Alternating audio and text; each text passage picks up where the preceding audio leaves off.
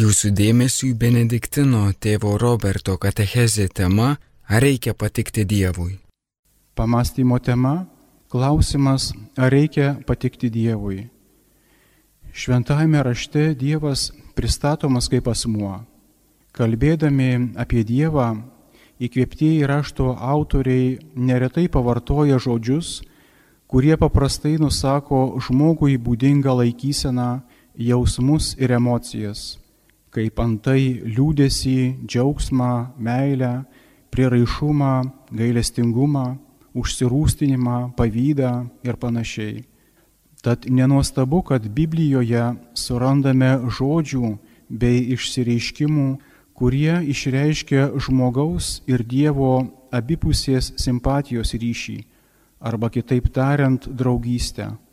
Ir iš tiesų, po įvairiais posakiais aptinkame mintį, kad viena vertus vienas ar kitas šventojo rašto personažas savo gyvenimo dienomis patiko Dievui, buvo Dievo mylimas, kaip pavyzdžiui pranašas Danielius, ir kita vertus, kad pats žmogus dėl vienokių ar kitokių motyvų siekia būti Dievui priimtinas.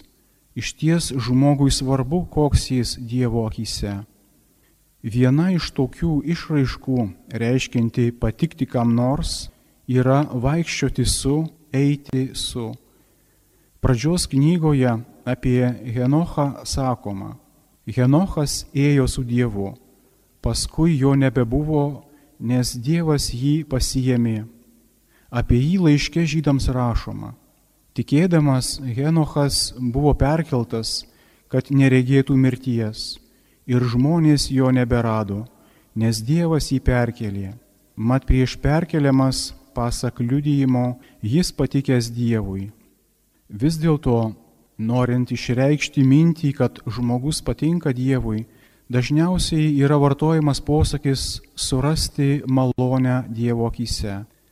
Senajame testamente apie Nojų sakoma, kad jis surado malonę viešpaties akise, kadangi, kaip toliau sakoma tekste, Nojus buvo teisus vyras, savo kartoje bedėmės, nes Nojus ėjo su Dievu. Tas pats sakoma ir apie Abraomą bei kitus patriarchus, o taipogi apie Mozę, Gedeoną, Dovydą ir daugelį kitų. O Naujajame testamente šiuo žodžiu sutinkame be ne ryškiausioje scenoje, kai arkangelas Gabrielius Marijai sako, nebijok Marija, tu radai malonę pas Dievą. Taigi šis keletas žodinių išraiškų leidžia pajusti, kad egzistuoja ypatingesnis, galima sakyti, intimesnis santykis su Dievu, kuris įgauna simpatijos, palankumo, draugystės bruožus. Ir kad žmogus iš savo pusės siekia tokį ryšį užmėgsti ir palaikyti. Bet kuriam samoningam tikinčiajam būtų galima užduoti klausimą, ar reikia patikti Dievui ir pateikti jam tris galimus atsakymus - taip, ne ir tai visiškai nesvarbu, tai antrailis dalykas. Tai tikriausiai didžioji dauguma, jei ne visi, duotų teisingą atsakymą. Vis dėlto instinktyviai žinoti teisingą atsakymą tai viena, tačiau visai kas kita sugebėti jį pagrysti. Ir iš tiesų čia kyla daug klausimų. Ką reiškia patikti Dievui? Ar to reikia žmogui? Kodėl? Kaip patikti Dievui? Ar įmanoma tai pelnyti? Kokios gali iškilti tam kliūtys? Ir panašus klausimai parodo, kad iš pažiūros savaime suprantamas dalykas savyje palieka didelę erdvę apmąstymams. Į šiuos ir panašius klausimus bus galima lengviau atsakyti tada, kai įsigilinsime į žmogaus pašaukimą kūrėjo plane bei įvertinsime pamatinės tiesas apie Dievą ir žmogų. Atsakymas į klausimą, kodėl žmogui reikia patikti Dievui, išplaukia iš žmogaus gyvenimo galutinio tikslo apibrėžimo. Iš ties, žmogus yra sutvertas palaimai ir ne bet kokiai, o tokiai, kuri turėtų absoliutaus gėrio apibrėžimą. Joks laikinasis neįdalinis gėris negali tobulai ir pilnai pasotinti žmogaus, sukurto pagal Dievo paveikslą ir panašumą laimės lūkesčių. Iš šventojo rašto mes žinome, kad Dievas sutvėrė žmogų pagal savo paveikslą ir panašumą, tuo išskirdamas jį iš visos kūrinijos. Šis Dievo paveikslas žmoguje tampa jam ypatingo ryšio su Dievu pagrindu. Iš tiesų, jo dėka žmogus yra atviras ir imlus kurėjo sudėvinančiai maloniai ir tuo pagrindu draugystės ryšiui su Dievu kaip tėvu ir bičiuliu. Pagal kurėjo iš anksto nustatytą planą žmogus pasieks savo pilnatvę, įgyvendins savo pašaukimą ir suras amžinąją palaimą tik bendrystėje su Dievu kuriai jis buvo sutvertas bei pašauktas ir kuri turi prasidėti bei vystytis jau čia žemėje. Taigi žmogus nuo pat savo atsiradimo pradžios buvo pašauktas dalintis gyvenimu su Dievu. Todėl žmogui reikalingas adekvatus santykis su Dievu kaip jo gyvenimo galutiniu tikslu ir palaimos šaltiniu. Šis žmogaus ir Dievo tarpusavio ryšys, lygiai kaip ir tarp asmeniniuose santykiuose tarp žmonių, turės draugystės bruožus, o tai reiškia abipusišką meilę ir dalies turėjimą bendrame gėryje. Juk žmogus stengiasi patikti savo draugui ir nedaryti nieko, kas jį žaistų ar keltų grėsmę jų draugystėj. Analogiškai ir santykyje su Dievu žmogui svarbu išsaugoti tarpusavio draugystę ir patikti Dievui. Tačiau, kaip sužinome iš apreiškimo, pirmoji nuodėmė radikaliai pakeitė žmogaus santyki su Dievu. Žmogus susvetimėjo Dievui, aplinkai ir kitiems žmonėms, o ir jame pačiame atsirado konfliktas ir disharmonija. Per nuodėmę žmogus prarado Dievo malonę, kuri jį puošė, darė gražiu Dievo akise, kurios dėka žmogus patiko Dievui, turėjo malonę jo akise. Tačiau visgi nuodėmė nesunaikino žmogaus pašaukimo, kuris kaip buvo, taip ir išliko regėti Dievą veidas į veidą. Po žmogaus nuopolio Dievas taipogi nepersigalvojo ir neskyrė žmogui kaip draugystės išdavikui tik žemiškos palaimos, kuri atitiktų žmogaus prigimties lygį. Dievas ir toliau kviečia žmogų į draugystės santyki su juo, tačiau gimtoji nuodėmė, o dar priedo ir kiekvieno žmogaus asmeninės nuodėmės, pažeidžia žmogaus prigimtį, susilpnina jo gebėjimą spręsti apie tai, koks yra ne iliuzinis, o tikrasis gėris, kuris atitinka galutinės palaimos apibrėžimą. Negana to, nuodėmė dar priedo susilpnino žmogaus jėgas rinktis gėrį ir jame ištvermingai pasilikti. Žmogus jau nebėra spontaniškai nukreiptas į savo galutinį tikslą Dievą. Dabar jam reikalingos gydančioji ir pakeliančioji Dievo malonės, kad jis ir vėl būtų pajėgus draugystėj su Dievu. Taigi Dievas ir toliau kviečia žmogų atsiliepti į jo laisvą kvietimą bendrystėj su dieviškaisiais trejybės asmenimis. O šis kvietimas yra nekas kita, kaip visuotinis pašaukimas į šventumą, nes būtent šventumas yra ta savybė, kuri žmogų suartina, supanašina su Dievu, arba galima sakyti, išryškina žmoguje esantį Dievo paveikslą ir jį patį padaro autentiškesniu žmogumi, koks jis buvo kūrėjo plane. Pašaukimas į šventumą įvairiais būdais aidi jau nuo pirmųjų šventojo rašto puslapių. Eik mano keliu ir būk be priekaišto, sakė viešpats Abraomui. Viešpats trokšta, kad būtume šventi kitaip tariant, kad patiktume Dievui ir tikisi, jog nesitenkinsime vidutinišką netvarę egzistenciją. Vatikano antrasis susirinkimas aiškiai pabrėžia, dieviškasis visokio tobulumo mokytojas ir pavyzdys viešpats Jėzus, pats būdamas gyvenimo šventumo autorius ir ištobulintojas, tą šventumą paskelbė visiems ir kiekvienam savo mokiniui, kad ir kokia būtų jų padėtis. Būkite tokie tobuli, kaip jūsų dangiškasis tėvas yra tobulas. Tad kiekvienam aišku, jog visi Kristaus tikintieji, kad ir kokia būtų jų užimama vieta ar luomas, šaukiami siekti krikščioniškojo gyvenimo pilnatvės ir meilės tobulybės.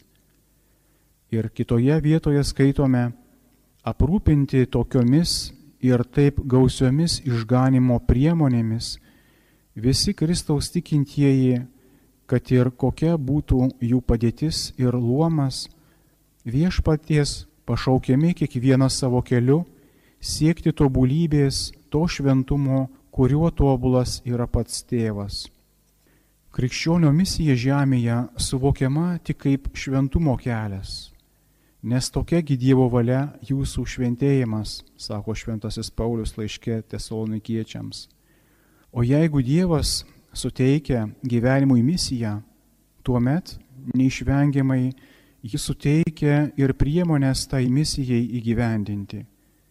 Reikia pabrėžti ir tai, kad Dievas pirmas imasi iniciatyvos ir išganimo istorijoje apsireiškia kaip savo malonės šeimininkas, laisvai dalyjantis savo dovanas, neatsižvelgiantis į asmenis, tačiau teisingas, kiekvienam atlyginantis pagal jo darbus. Dievo prieiškimas išganimo istorijoje, galima sakyti, yra jo įvairialypės malonės apsireiškimas. Ir iš kitos pusės žmogaus kreipimasis į Dievą yra kreipimasis į jo malonę. O dieviškoji malonė yra tas žmogaus prigimtį sutaurinantis ir pakilėjantis elementas, ta antgamtinės kilmės kokybė, kuri padaro žmogų maloniu Dievui. Tad klausimas, kas padaro, kad žmogus patinka Dievui ir kaip reikia patikti Dievui, mus atveda prie dieviškosios malonės liepinio Pažvelkime, kaip atsiskleidžia Dievo malonės bruožai šventajame rašte. Pirmiausiai Senajame testamente. Santykiai tarp Dievo ir Izraelio, kurie išsivysto į sandorą, yra dieviškojo išsirinkimo vaisius. Dievas išsirenka Izraelio tautą. Ši mintis atsiskleidžia seniausiose rašto knygose. Iš pradžių Dievas išsirenka Abraomą ir duoda jam pažadą. Šis išsirinkimas pakartojamas Jokūbui, kuriam parodomas išskirtinumas jau nuo pat motinos iššių. Galiausiai išrinkimas apima visą Izraelio jo išėjimo iš Egipto metu tautą. Dievas jį išsirenka būti savoje tauta. Visgi Izraelis žino, kad Dievo išrinkimas yra visiškai laisvas ir nepelnytas. Tai Dievo iniciatyva. Juk aš išrinkau jį, sako viešpats, kalbėdamas apie Abraomą. Išėjimo knygoje viešpats Mozei apie save byloja. Aš esu maloningas tiems, kuriems esu maloningas, ir pasigailiu tų, kurių pasigailiu Šis išrinkimas tapo viena kertinių pranašų skelbimo temų. Į laisvą Dievo išsirinkimą dažnai buvo atsakoma neištikimybė, nepaisant to, kad tą išsirinkimą lydėjo prieraiši meilė ir švelnumas. Ozijo knygoje skaitome, kai Izraelis buvo vaikas, aš jį pamilau ir iš Egipto pašaukiau savo sūnų. Aš pats mokiau Efraimą vaikščioti, savo rankose juos nešiojau, tačiau jie nepripažino, kad aš jais rūpinausi. Siejau juos su savimi pajautų saitais, meilės ryšiais. Mano širdis neleidžia man to padaryti, mano gailestingumas tau yra per stiprus, nebausiu tavęs degančių įniršių.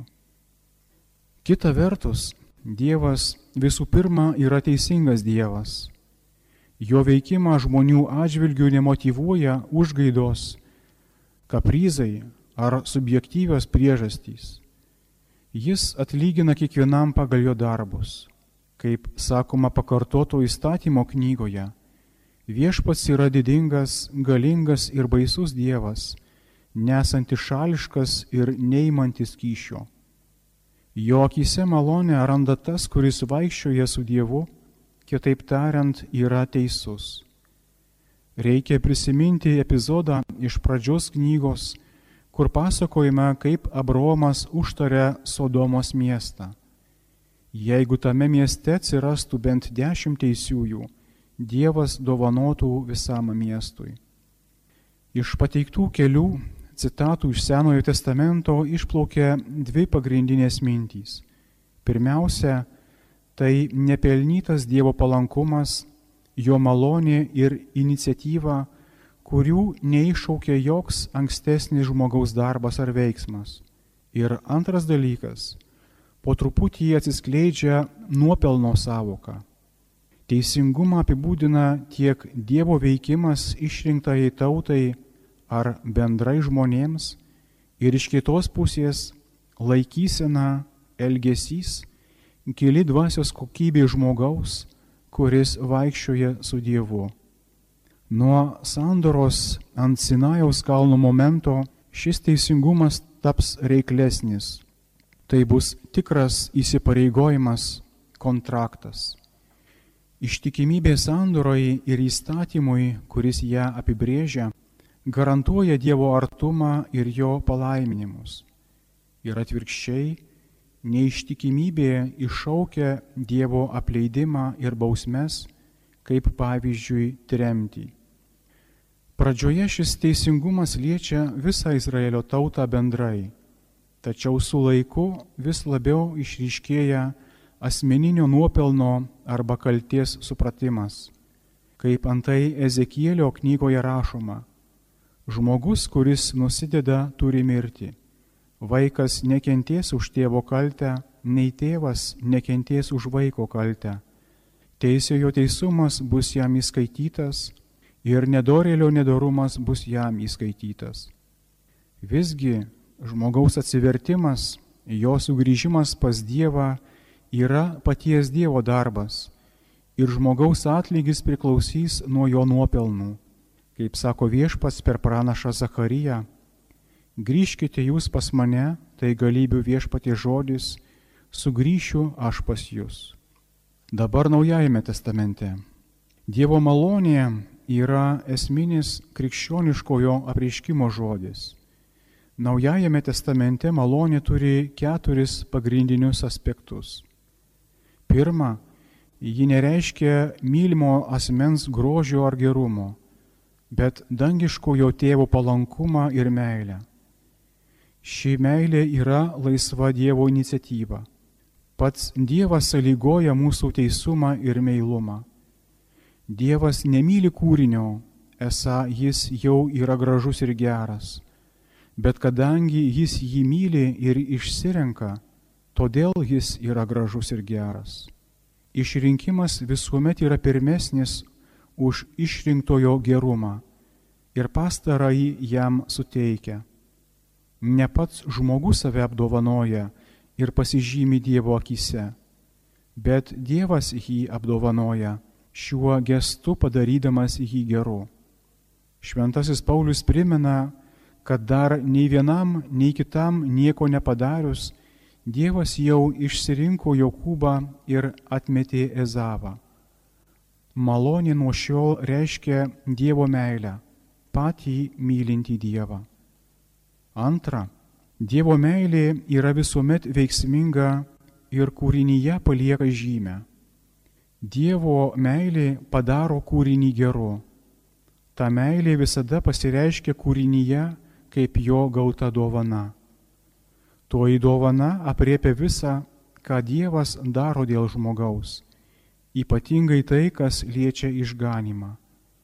Malonė šiuo atžvilgiu yra visas išganimo darbas, kurio centre yra pats Jėzus Kristus, kuris mums duotas ir kuris mums duoda šventąją dvasę. Trečias malonės aspektas yra tai, kad žmogaus gauta Dievo dovana padaro žmogų geru, teisiu, maloniu ir priimtinu Dievo akise. Ketvirtasis bruožas. Iš tokiomis dovanomis apdovanoto žmogaus turi kilti padėka, meilė, kuri vienintelė gali atsakyti į Dievo meilę, kuri yra žmogaus atsako pamatas ir varomoji jėga. Toji padėka, dėkojimas turi ne vien tik asmeninį bruožą, bet įtraukia ir visą Dievo tautą padėkoje par excellence Eucharistijoje. Visgi Čia mes susidurėme su kertinė problema, su regimu prieštaravimu tarp laisvos dovanos ir nuopelno. Mat Dievo karalystė, per kurios skelbimą apsireiškia dieviškoji malonė, yra sikiu dovana ir teisingumas. Šitai atsiskleidžia skaitant Evangelijas. Luko Evangelijoje skaitome, nebijok mažoji kaimenė, jūsų tėvas panorėjo atiduoti jums karalystę. Pas matą skaitome, kad Dievo karalystė paruošta nuo pasaulio sukūrimo. Dievas ją duoda, kaip jam patinka, net ir tiems darbininkams, kurie atėjo dirbti į vienogyną 11 valandą. Pats Dievas pasirenka. Ir vis dėlto geri darbai ją nusipelno. Ne kiekvienas, kuris man šaukia viešpatie viešpatie, įeis į dangaus karalystę, bet tik tas, kuris vykdo mano dangiškojo tėvo valią. Skaitome Mato Evangelijoje 7 skyriuje. Dievo karalystė yra atlygis, užmokestis. Prisiminkime palyginimą apie talentus. Šitai dar aiškiau atsispindi apaštalo Pauliaus laiškuose. Anot jo dieviškoji malonė, kuri padaro žmogų maloniu, patinkančiu Dievui, yra Dievo gerumo ir dosnumo išliejimas. Tai dangiškojo tėvo iniciatyva ir ta malonė suteikiama per Jėzų, kuri mus daro panašius į jį. Ji yra šventosios dvasios išlieta mūsų širdyse ir suteikia teisę kreiptis į Dievą Abba tėvę. Malonė yra Dievo atliktas darbas kuris pranoksta, ką galėjo duoti prigimtis ir Mozės įstatymas. Tai darbas, kuris įvykdo mumise tikrąjį teisingumą, pašalinant jį bet kokį pasmerkimą, kadangi jis padaro mus naujų kūrinių, apsivilkusių Kristų per krikštą jo mirtyje. Ši malonė yra gyvenimas, naujasis gyvenimas Kristuje kai mes esame nuolatos palaikomi pagalbos Dievo, kuris suteikia mums ir norėti, ir atlikti, todėl mes neturime pagrindo puikuotis. Viskas mums yra suteikta kaip dovana. Ką turime, ko nebūtume gavę, sako Šventasis Paulius. Ir vis dėlto ši gauta dovana suteikia mums tam tikrą naują teisę, kadangi ši malonė padarė mus Dievo vaikais, mes tapome paveldėtojai, Dievo paveldėtojai, paveldėtojai drauge su Kristumi. Jeigu gyvensime kaip Dievo vaikai, mes paveldėsime karalystę, kurios nepaveldės nei vagys, nei gopšai, nei girtuokliai, nei keikūnai, nei plėšikai. Jeigu pats Dievas padaro kad žmogus tampa teisus ir jam priimtinas, tad ar jo nevienodas atlygis nėra visiškai nepagristas dalykas? Kokią reikšmę turi žmogaus pastangos ir darbai? Ar galima ir kaip galima pelnyti Dievo malonę? Taip mes prieiname prie nuopelno savokos. Nors pati nuopelno atlygio savoka nesukelia supratimo sunkumų, kai kalbame apie santykius tarp žmonių, tačiau ši savoka sunkiau suprantama žmogaus santykyje su Dievu, ir ji gali įgauti iškreiptą turinį.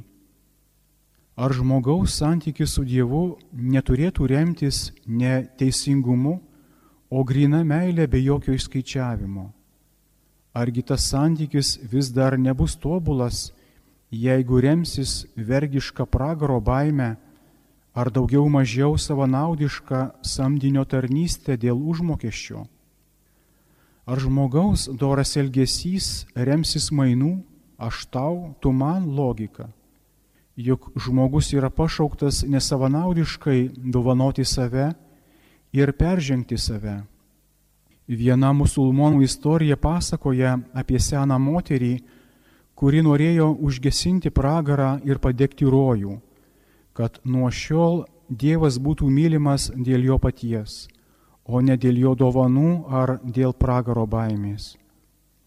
Vis dėlto žmogaus laisvė ir atsakomybė santykyje su Dievu yra akcentuojami jau nuo pirmųjų šventojo rašto puslapių. Žmonijos protėvis Adomas be jokių šankstinių nuopelnų buvo nulipdytas iš žemės dulkių, o taip pat buvo apdovanotas pirmą pradę malonę, kuri savyje įėmė nemirtingumą. Tačiau, būdamas laisvas, ir atsakingas už savo veiksmus, savo paklusnumu arba nepaklusnumu Dievo paliepimui, jis turėjo galę pelnyti tolimesnį Dievo artumą ir palaikymą arba atvirkščiai pelnyti bausmę.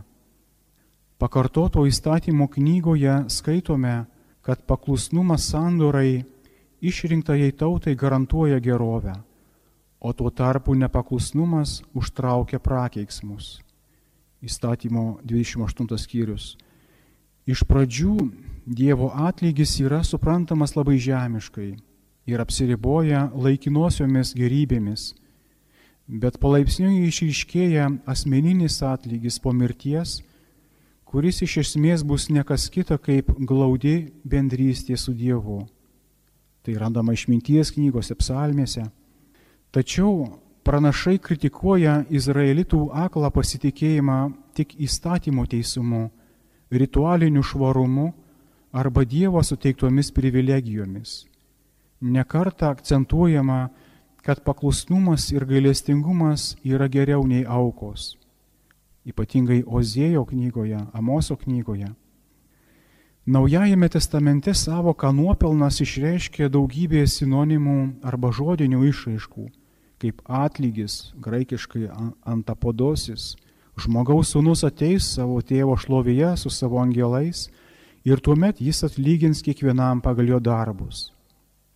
Toliau užmokestis, graikiškai mistos, kaip nupjaunamas derlius, kaip laimikis ir vainikas, kaip visa pranokstanti amžinoji garbė, kaip sukauptas lobis danguje Paskutinio jos teismo scena leidžia suprasti, kad sprendimas bus vykdomas pagal nuopelnus. Evangelijos pagal Joną prologę sakoma, kad Dievas žodis visiems, kurie jį priima, duoda galę tapti Dievo vaikais. Jis nori, kad ir jo tarnas būtų ten, kur jis yra, su sąlyga, jeigu teiksis juo sekti. Jis pažada tam, kuris jį myli ir laikosi jo žodžio, tėvo meilę ir jo draugystę su tėvu, apsilankymą pas jį. Ir atvirkščiai, Jėzus pasmerkė fariziejų veidmainystę, puikybę tų, kurie pasitikėjo savo teisumu, o kitus niekino. Ir moko, kad iš šventyklos nuteisintas namo nuėjo muitininkas, o ne fariziejus, kuris puikuojasi savo darbais. Jėzus reikalauja, kad visi save laikytų nenaudingais tarnais. Šventasis Paulius savo ruoštų atmeta bet kokį žmogaus pasididžiavimą savimi. Galų gale visas Naujojo testamento mokymas apie nuopelną sutraukiamas šioje eilutėje. Kas pasilieka manyje ir aš jame, tas duoda daug vaisių Nuo manęs atsiskyrę jūs negalite nieko nuveikti. Jono Evangelijos 15 skyrius. Jeigu vienas iš nuopelno aspektų yra santykis, santykis tarp žmogaus ir Dievo, tad reikia pasakyti, kad žmogus kaip kūrinys yra visiškai priklausomas nuo kūrėjo. Žmogaus laisvė, kaip jo panašumo į Dievą ženklas, turi būti vienybėje su Dievo valia, nes Dievas linki žmogui tik gerą. Po žmogaus nuopolio ji turi būti atnaujinta ir atstatyta malonės pagalba, nes žmogaus galutinis pašaukimas yra draugystė su Dievu, o ją galima pasiekti tik laisvai atliepiant į jo pašaukimą ir meilę. Vis dėlto žmogaus atsakymas visuomet remsis Dievo iniciatyva, kai žmogui suteikiama pradinė dovana įgalinanti pamilti Dievą. Bažnyčia daug kartų mokė, kad nuteisinti esame ne savo darbais ar pastangomis, bet viešpaties, kuris imasi iniciatyvos malonę. Antrasis oranžo susirinkimas 529 metais labai autoritetingai mokė, jog ne vienas žmogus negali reikalauti, nusipelnyti ar nusipirkti dieviškosios malonės dovanos ir visas bendradarbiavimas su ja yra iš ankstinė tos pačios malonės dovana. Net troškimas būti švariam atsiranda per šventosios dvasios įliejimą į mus ir jos veikimą mumyse. Tridento susirinkimas patvirtino šį dogminį mokymą sakoma, kad esame nuteisinti dovanai, nes niekas, kas yra pirma nuteisinimo, nei tikėjimas, nei darbai, nepelno pačios nuteisinimo malonės. Katalikų bažnyčios katekizme irgi primenama, kad malonės dovana pranoksta ir žmogaus, ir bet kokio kūrinio proto galės ir valios jėgas. Ir kad griežta prasme žmogus neturi jokių nuopelnų Dievo akise. Neligybė tarp jo ir mūsų yra begalinė. Jo draugystė mus pranoksta be galo. Negali būti mūsų nupirkta darbais ir te gali būti jo meilės iniciatyvos dovana. Šitai mus kviečia gyventi džiugiai, dėkojant už tokią dovaną, kurios niekada neužsitarnausime. Kitas nuopelno aspektas tai asmens vidinė kokybė, priklausomai nuo jo darbų. Žmogaus visiška priklausomybė nuo Dievo reiškia tai, kad be Dievo žmogus negali egzistuoti, veikti ir mylėti. Dievas suteikia žmogui buvimą ir veikimą. Iš kitos pusės žmogus gali sustiprinti savo bendrystę su Dievu, gyvendamas kaip Dievo vaikas. Šis gebėjimas suteikia pagrindą jo nuopelnui. Vis dėlto radikali priklausomybė neleidžia didžiuotis, nes ir kągi turi, ko nebūtum gavęs, kaip sako Šventasis Paulius laiškė korintiečiams. Be jau minėtų aspektų asmens nuopelnas dar žadina kito pagarbą ir pripažinimą už jo darbus ir dvasinę kokybę ir išplečiant pripažinimo savoką, skatino taipogi apdovanojimą ir atlyginimą. Žmogaus ir Dievo atveju tai reikš dovana, kurią Dievas suteikia žmogui kaip atsaką į jo meilę.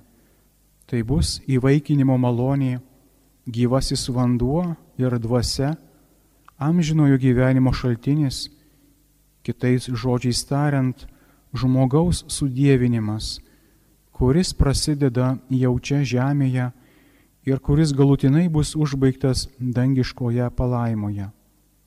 Įvairūs atlygiai, apie kuriuos kalba šventasis raštas, visi veda į žmogaus supanašėjimą su Dievu. Tas panašumas yra visa pranokstanti Dievo dovana, bet ir sėkių žmogaus parodytos meilės vaisius atsiliepiant į dangiškojo tėvo išganimo planą. O beje, pats atlygis nėra kažkas, kas egzistuotų šalia Dievo. Atlygis yra malonės gyvenimas, gyvenimas bendrystėje su Dievu, bendrystės gyvenimas, kuris suteikia aukščiausią palaimą. Dievo atlygis žmogui - tai jį padaryti ketvirtuoju švenčiausiosios trybės asmeniu. Taigi apibendrinant reikia tvirtai laikyti, kad tik tai laisvos ir nulankiai priimtos Dievo dovanos pagrindu galime savo pastangomis prisidėti prie laipsniško savęs perkeitimo. Visų mūsų nuopelnų šaltinis Dievo akise yra mūsų meilė Kristui. Malonė, veiklia meilė, vienydama mus su Kristumi, laiduoja mūsų veiksmų antgamtiškumą ir kartu jų nuopelningumą tiek Dievo, tiek žmonių akise sakoma katalikų bažnyčios katekizme. Ten pat katekizmas pateikia katalikišką mokymą apie nuopelną. Kadangi malonės srityje iniciatyva yra Dievo, niekas negali pelnyti pirmosios malonės, kuria prasideda atsivertimas, atleidimas ir nuteisinimas. Paskui šventosios dvasios ir meilės skatinami mes galime pelnyti savo ir kitiems malonių reikalingų mums pašventinti, maloniai ir meiliai skleistis, taip pat amžinajam gyvenimui pasiekti. Laikantis Dievo išminties, gali būti pelnytos net laikinosios gerybės, tokios kaip sveikata ar draugystė. Tų malonių ir gerybių prašome krikščionišką maldą, melžiantis mums rūpi gauti ir nuopelningiems darbams reikalingos malonės. Visgi negana suprasti, kad reikia patikti Dievui ir daryti tai, kas jam patinka. Reikia dar priedo žinoti, kas greuna bendrystę su Dievu ir vengti tokios laikysenos ar veiksmų. Sakėme, kad vienybė su Kristumi yra patikimo Dievui ir mūsų nuopelnų šaltinis. Tad visa, kas pažeidžia šią vienybę, turi būti laikoma kaip kliūtis Dievui patikti. Akivaizdu, kad nuodėmė yra pagrindinė priežastis, dėl kurios žmogus praranda draugystę su Dievu. Ypatingai tai liečia tas nuodėmės, kurios pažeidžia darybės, kurios yra mūsų vienybės su Dievu pagrindas. Tai yra meilė ir tikėjimas. Mat tikėjimas ir meilė mus suvienyje su Dievu. Todėl nuodėmės prieš meilę ir tikėjimą yra pavojingiausios. Tai nereiškia, kad kitos nuodėmės nėra svarbios. Nes tiesą sakant, bet kuri nuodėmė yra meilės išdavimas, kadangi pagal apibrėžimą nuodėmė yra nusigrėžimas nuo Dievo ir atsigrėžimas į kūrinį. Šiaip ar taip, visiems yra aišku, kad nuodėmė pažeidžia ar net sunaikina žmogaus bendrystę su Dievu. Todėl čia nereikia ilgai išsiplėsti. Reikėtų verčiau paliesti daug subtilesnės kliūtis, dvi šventumo klastotės, kadangi jos paprastai prisidengia darybės pavydalu ir taip suklaidinusio žmogų daro jame savo pražutingą darbą. Ir čia aš norėčiau pasinaudoti Šventojo tėvo Pranciškaus apaštališkųjų paraginimų gaudėti et exultate apie pašaukimą į šventumą šių laikinėme pasaulyje.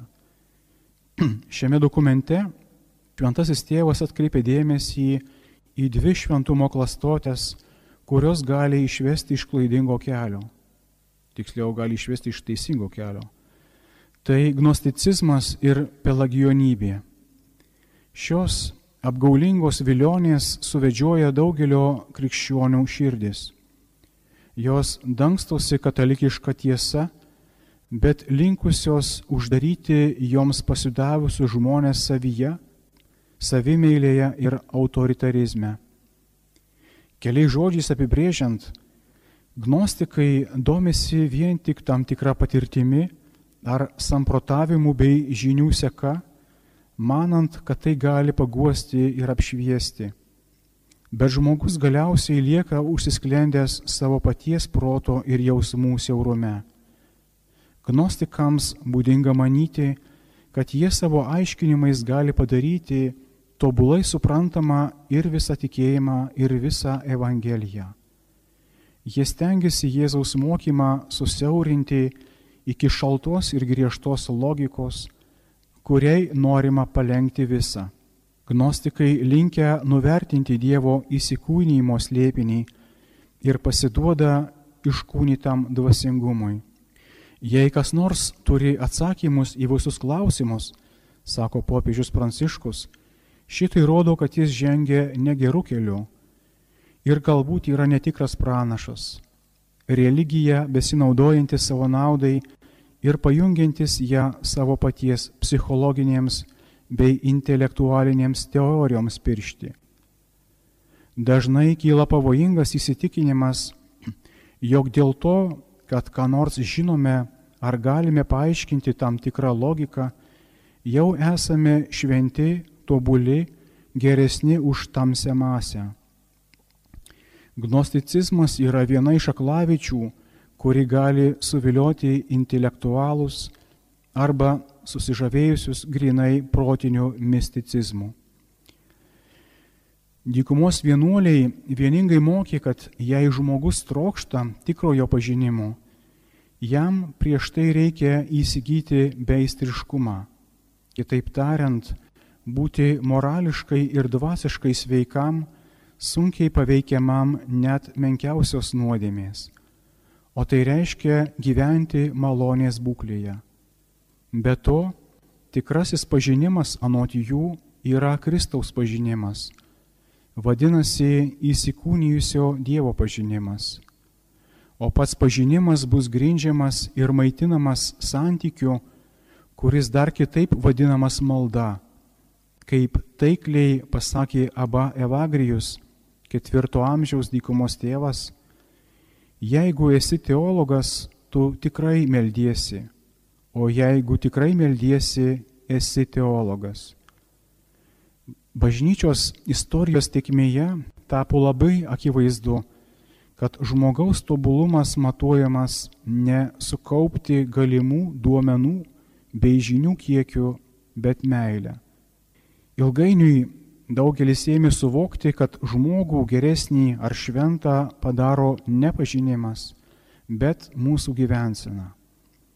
Problema ta, jog šitai subtiliai išsigimė.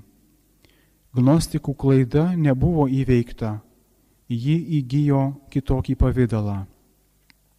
Galios centras iš intelekto persikėlė į žmogaus valią, į jo asmeninės pastangas ir taip atsirado pelagijonai ir pusiau pelagijonai.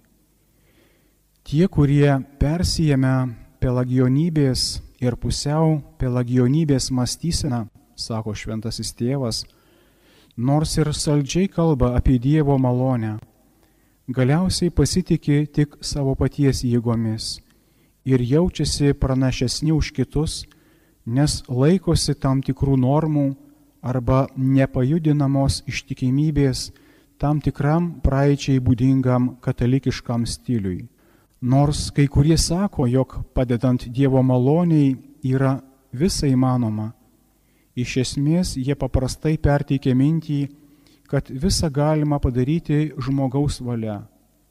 Tarsi jį būtų švarus, tobulas, visagalis dalykas, prie kurio tada dar prisijungia malonė. Aukštindama žmogaus valią, Nyčia sakė, norėti padaro laisvu, nes norėti tai padaryti. Pelagionybės ir pusiau pelagionybės mąstysena buvo vienuolių, ypatingai beraščių arba menkai išprūsusių pagunda ir suklupimo akmuo. Labai dažnai savo fizinį atsparumą, gebėjimą visai save suvaržyti ir apsimarinti, jie sutapatindavo su šventumu. Anot jau minėto Abos Evagrijaus, būtent puikybė perša vienuoliui mintį, esą jis savo jėgomis pasiekė pergalę dvasios kovoje ir jam rekomenduoja tokiai minčiai atkirsti šventojo rašto ištrauką, kur sakoma, nesakyk savo širdyje, Mano paties galybė ir mano paties rankų jėga sukrovė man šiuos turtus. Atsimink tad, kad viešpats tavo Dievas yra tas, kuris tau duoda galybę. Tai buvo citata iš pakartoto įstatymo knygos. O jeigu vienuoliui neduoda ramybės mintis, kuri neigia Dievo pagalbą ir priskaito pergalės savo pačios jėgai, Aba Evagrijus ragina kreiptis į viešpatį psalmė žodžiais. Juk ne savo lankais mes pasitikime, ne mūsų ginklai mūsų neišgelbės, bet tu atpirkai mus nuo tų, kurie mūsų nekenčia, apipyliai gėda mūsų priešus. Tad, kaip ragina šventasis Benediktas savo reguloje, turime pagarbiai bijotis viešpaties ir nesididžiuoti savo gerų elgesių, o žinoti, kad tai, kas mumise yra gera, yra ne mūsų pastangų vaisius, bet viešpaties darbas. Todėl Benediktas ragina šlovinti mumise veikiantį viešpatį ir kartu su pranašu sakyti, ne mums viešpatyje, ne mums, bet savo vardui duok garbę. Tiek šį kartą dėkoju. Klausimais Benediktino tėvo Roberto katechezės tema Ar reikia patikti Dievui?